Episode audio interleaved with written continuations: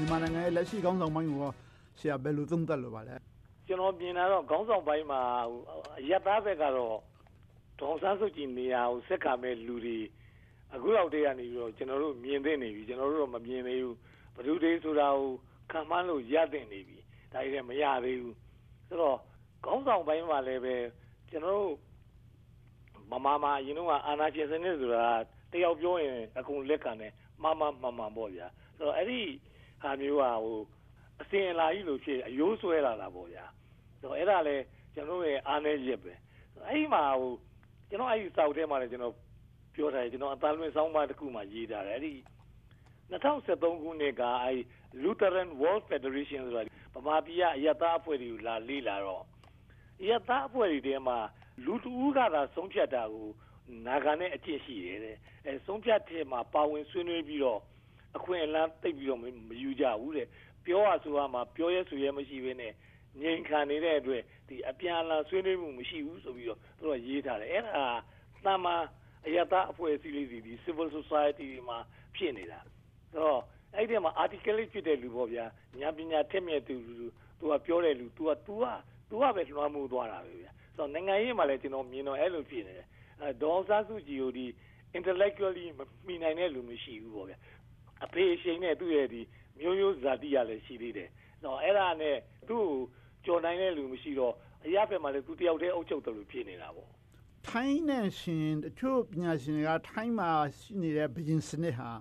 ဒီမိုကရေစီအတွက်အထောက်ပံ့ဖြစ်တယ်တချို့ကတော့အဟံတာဖြစ်တယ်လို့ပြောကြပါတယ်ဆိုတော့ဘရင်စနစ်ဆိုတော့တဲဥဆောင်မယ့်သဘောသူတို့စီမံလည်းတော်တော်များများဘရင်လက်ထက်မှာအာဏာရှိနေတယ်ဆိုတော့ဆရာတော်ကဘယ်လိုနှိုင်းရှင်လို့ပါလဲဆရာကျွန်တော်တို့မှာတော့ အဲ့ဒါမရှိတော့အဲ့ဒီနေရာမှာဟိုအခုအမြဲဝေးနေတာစစ်တပ်ပေါ့ဗျာစစ်တပ်ကအဲ့ဒါဝေးနေတာပေါ့ဒါပေမဲ့သူ့ရဲ့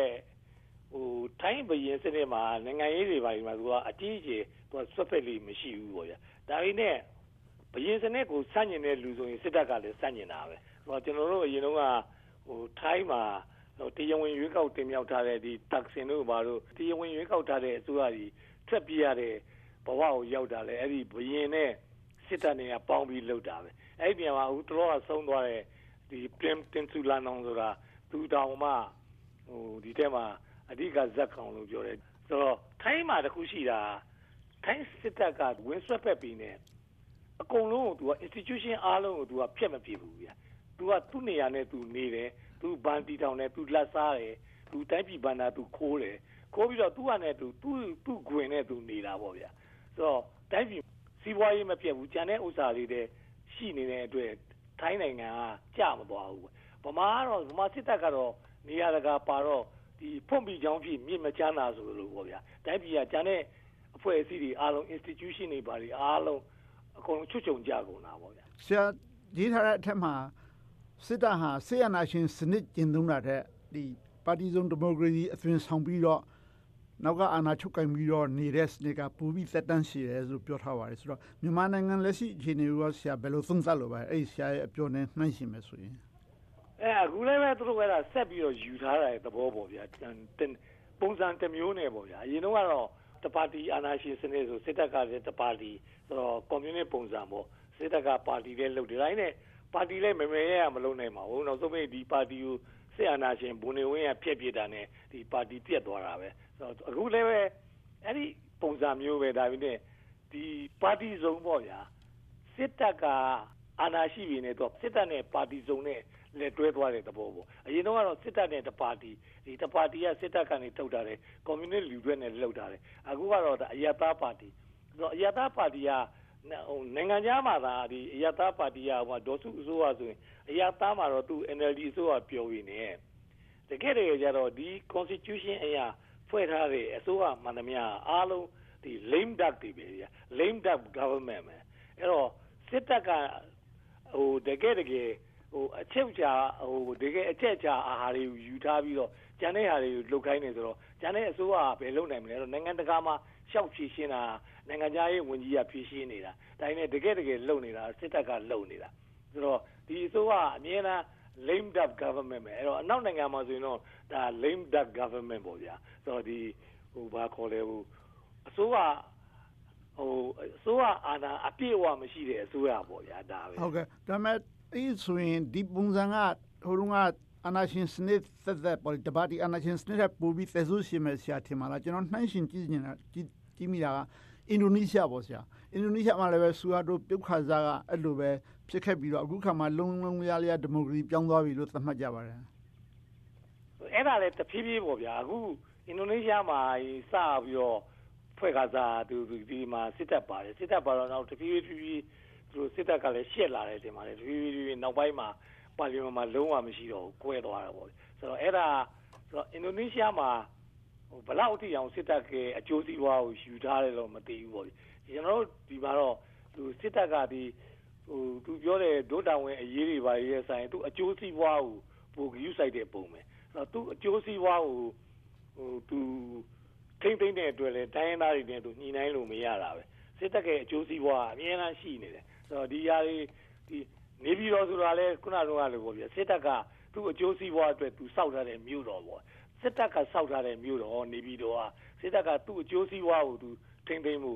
အဲ့တော့ အခုတည်းကလည်း နောက်တက်တဲ့အစိုးရတွေကဒီဗိုလ်တန်းရွှေတို့အုပ်စုကို ထောက်ပံ့နေရတာပဲဟိုငွေ